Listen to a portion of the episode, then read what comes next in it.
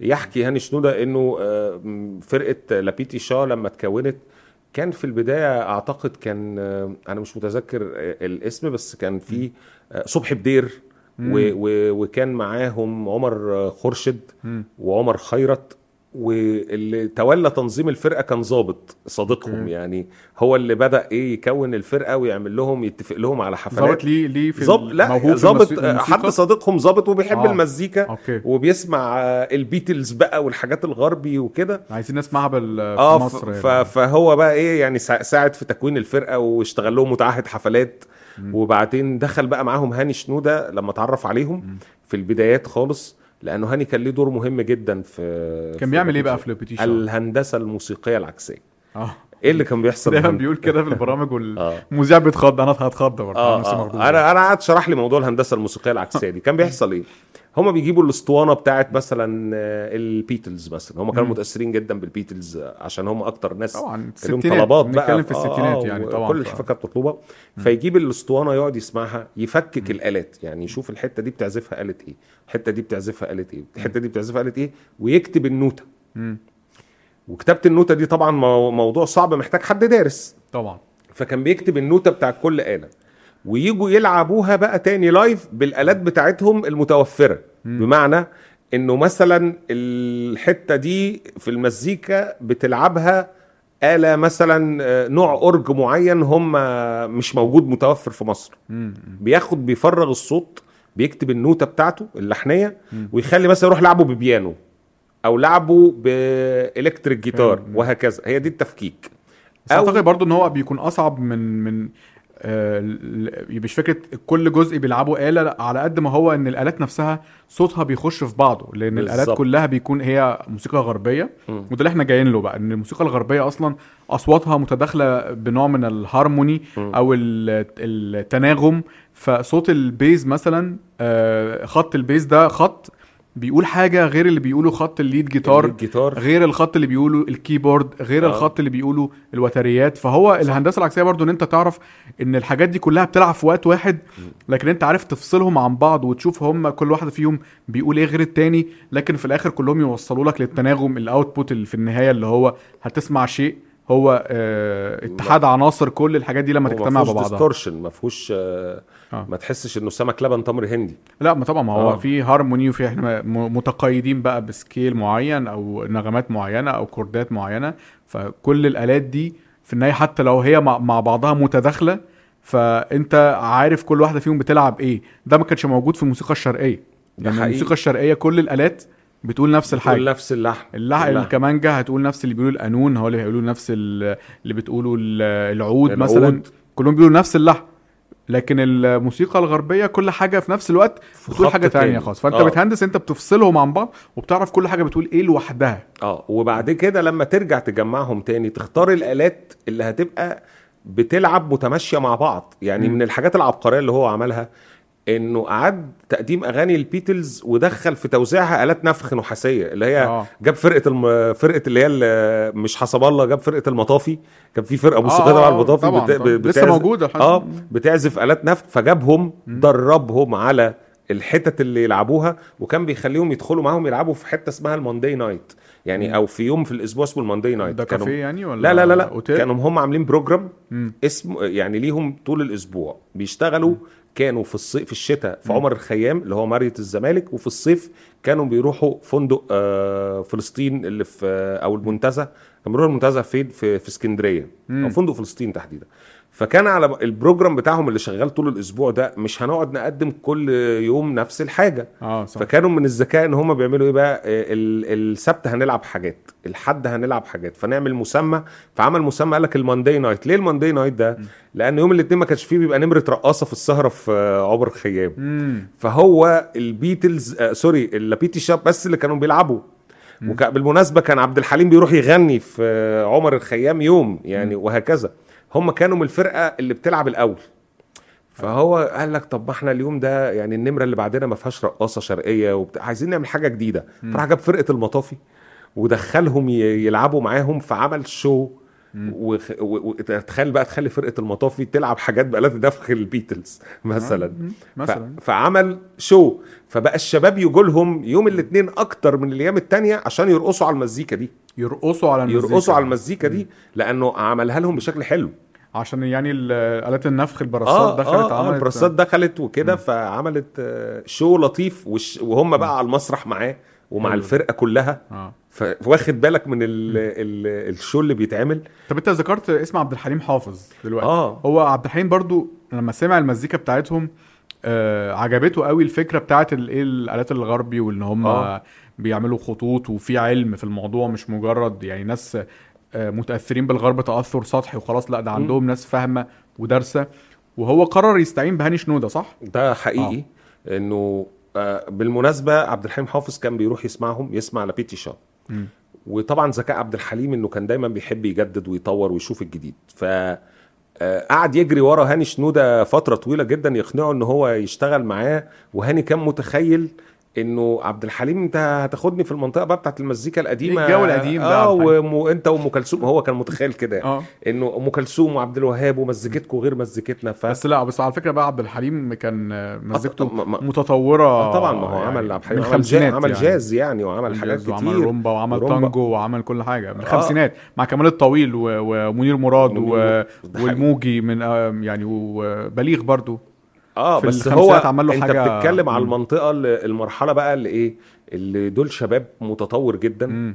آه بيفكر إنه خلاص أنت داخل على كان إحنا دخلنا عصر الديسكو strings مم. ودخلنا عصر ال لا، المزيكا- السبعينات. السبعينات الديسكو. آه، أوائل السبعينات. إحنا في الستينات دلوقتي. لا ده هو ما هو المشروع بتاع عبد الحليم آه، بدأ آه، معاه إمتى؟ اواخر الستينات مش اواخر الستينات هو عنده شهور يعني.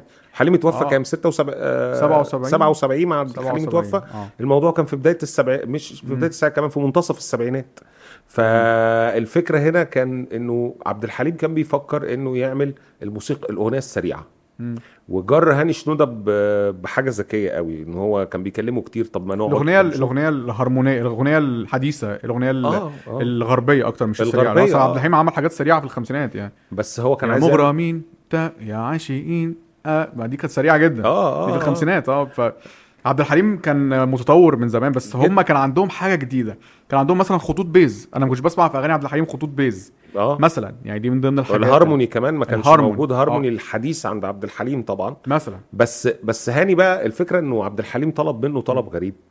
هو جاب له أورج كان مسافر إنجلترا وجاب له أورج جديد جدا واتصل بيه قال له على فكرة جبت أورج جديد تعالى شوفه.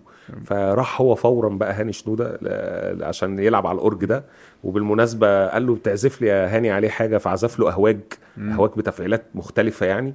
فعجبت عبد الحليم فعبد الحليم قال له اعمل لي فرقة صغيرة. ده اللي هو جهاز ال strings ال strings آه، جاب له- جاب له keyboard strings. keyboard strings اورج strings كان حاجة كده مفيش منها في العالم غير كام قطعة يعني هو و... بي- بيقول لك أنا أول ما قال لي أنا جبته تعالى بص عليه نزل جري من بيتهم راح له آه ده يا يعني- جماعة بيكون keyboard بيطلع أصوات الآلات الوترية اللي هي الكمانجا والتشيلو وال والكونتر باس وال double bass والفيولا والحاجات دي بيطلعها من ال keyboard ده في الستينات أو السبعينات كان اختراع. هذا يعني الاورج كان ثورة كان موسيقية. ثروة قومية. فهو لما شافه آه شبط فيه. شبط فيه لأن هو بالنسبة له كان عبد الحليم ده حاجة قديمة فلما هو جابه وعرف آه. يجيبه بال بالأورج الحاجات الأجهزة الحديثة اللي هو بيحبها كان كان فعرف يستقطب هاني شنودة ذكي جدا عبد الحليم قرا الدماغ بمنتهى ال... يعني لو قال له تعالى نشتغل مع بعض آه نقعد آه. بقى رايحين جايين مفيش حاجة لكن قال له بص أنا جايب لك الدليل إن أنا عايز أعمل إيه الشغل بتاعكم بالظبط فعملوا الفرقة و دلوقتي الموضوع الموضوع ده بربع جنيه الجهاز ده بربع جنيه دلوقتي آه، من, ده على- من دلوقتي على آه. النت يعني بنزله آه،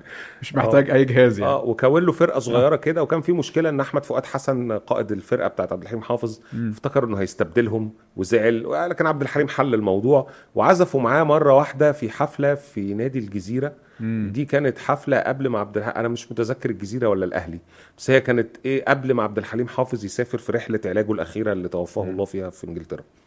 لعب وعزفوا جزء يعني. أهواك آه، أهواك. بالطريقة ال- الهاني شنودية الهاني شنوده خد بالك إن هاني شنوده ساعات بيطلع في برامج كده بيسف شوية على أهواك في الجزء اللي هو آه، أناديك وأبعت روحي تصحيك قوم ياللي شاغلني الحتة دي الجزء الشرقي الجزء الشرقي اللي هي دي سيكا بلدي أو بيسموه حجاز غريب أو حاجة كده تراريت، هنا في. اتنين ربع تون أصلا مش آه. ربع تون واحد تقريبا أو حاجة كده آه في اتنين في اتنين تلات ارباع تون في الحته دي شرقي جدا فهو بقى بيقعد يقول ترابات تاتي ترابات تاتي دي الحتة دي بيتريق عليها. آه. الحتة اللي في الأول بقى اللي هي أهواك وأتمنى لو أنساك. دي اللي بيحبها بقى. آه. دي اللي بيبدع فيها. عشان التانية لما بنخش الجزء التاني اللي فيه ربع تون ده الربع تون صعب قوي تهرمنه صعب تطبق آه. نظريات الهارموني على الربع تون أو في وقتها على الأقل يعني مؤخرا بدأوا يلاقوا حلول يعني حاجة اسمها ال suspended harmony أو الكوردات ال suspend أو حاجة كده يعني. بس كانت وقتها كان الموضوع إزاي هنعمل هارموني على لحن سيكا بلدي يعني أناديك وابعت روحي تصحيك دي آه، حتة بس الودن الغربية ممكن تحس آه. إنها نش... إيه ده مش عارفين يتقبلوها آه. إحنا بنحبها لأنها ربع تون إحنا متربيين عليه لكن هي في ال... كموسيقى بقى كموسيقى علمية نظرية علمية يعني الحتة دي كانت عاملة لهاني هاني شنودة أزمة. آه. وهي وعايز أقول لك هو حل الأزمة دي بعد كده في تجاربه مع المصريين. آه حلها كان طبعا. بقى في ألحان شرقي وعرف يهرمنها في أول ألبوم مع منير تحديدا آه. كان فيه أغنية راست متهيألي. أمانة يا بحر. أمان... لا مش أمانة يا بحر. بنتولد. لا أمانة يا بحر أول ألبوم وبعد كده وبعد كده. عملوا بنتولد وبعد كده نزلوا أمانة يا بحر تاني. لا بس دي دي نص. تون ده, مش بس هو بس. هو كمان في نقطة مهمة الناس لا تع... لا تعرفها لا تعرفها عن الأستاذ هاني شنودة. إنه هو هاني شنودة معاه دكتوراه في الموسيقى وفي علم الهارموني وال الدكتور هاني دكتور شنودة. هاني شنودة وهو ما بيحبش الناس تقول له يا دكتور يعني. آه لكن واخد دكتوراه من إنجلترا كمان يعني. آه، الرجل وصل لمرحلة من العلم في الموسيقى. انت عارف المعلومة دي ما حدش بيقولها خالص في لا في إعلام ولا في برامج. وهو ما بيذكرش يعني ما بيفرحش بالدكتوراه بتاعته يعني. مقربين جدا منه هم اللي يعرفوا إن هو دكتور. ولما تقول له يا دكتور هاني يتضايق جد يعني يتضايق جدا فكره يا دكتور دي مش مم. مش شايف إنها كان يعني حاجة للتباهي. يوسف يوسف شاهين كان عنده مقولة كده بيقول اللي هو أي حمار ممكن يبقى دكتور. ما تقوليش يا دكتور. كان حد عايز يدي ليوسف شاهين دكتوراه فخرية آه. أو حاجة فقال لهم أنا مش عايز دكتوراه ولا حاجة. أي حمار دلوقتي ممكن ياخد دكتوراه. فتلاقي ناس دايما الجامدة الواثقة في نفسها مش بيدور مش على بيهمه اللقب. فكره اللقب والدكتور وكده ولا ولا بيطلع يبيع نفسه كدكتور ف ف... فبالمناسبة هاني شنودة عنده الحتة بتاعت إنه بي... هدفه إنه يعلم الناس هو يبحث لنفسه يبحث لنفسه ويعلم غيره. ويترك للأجيال الجديدة إرث يتعلموا منه يعني من معرفة. غير ما يا أستاذ أو أنا الأستاذ والدكتور لا خالص ده هو حتى تعاوني يعني. يعني حتى هذه اللحظة يعني خلي بالك هاني شنودة أثر في موسيقيين كبار زي فتحي سلامة أثر في طارق مدكور ودول علموا أجيال جديدة. يعني فتحي سلامة اتعلم في ورشته دينا الوديدي واتعلم في ورشته ناس كتير جدا كايروكي. كايروكي, كايروكي والناس دي. مسار إجباري. ومسار إجباري. والناس دي برضو راحت لهاني شنودة بعد كده كنوع من الامتنان إن هو المدرسة. ال- مدرسة، آه. الأستاذ الكبير بقى اللي الناس. كل- النقلة. آه. أنت عارف إن طارق مدكور كنت يعني بسمع له حوارات دايما كده كان بيتكلم إن هو اتعلم من هاني شنودة. اتعلم منه direct يعني مش بس مم. تأثر بيه يعني آه هو علمه صغير علمه آه حاجات آه علمه آه. حاجات وهو في مراحل آه. البدايات تماما يعني وتلاقي إن طارق مدكور هو من أكتر الموزعين في تاريخنا آه اللي معلم قوي في حتة الهارموني وال counterpoint والخطوط اللي هي مثلا تبقى ورا الألحان. اللي أنت اللي هي بيكون لحن تاني خالص ورا اللحن بس عامل تناغم معاه دايما طارق مدكور هو دايما تلاقيه معلم قوي في الحتة دي. اللي هي أصلا اللي بدأها كان هاني شنودة طبعا ف... ف... ففي علاقة بين كل اللي حصل بعد هاني شنودة واللي وصلنا له النهارده هو له فضل فيه حتى لو مش مشارك فيه بشكل direct يعني.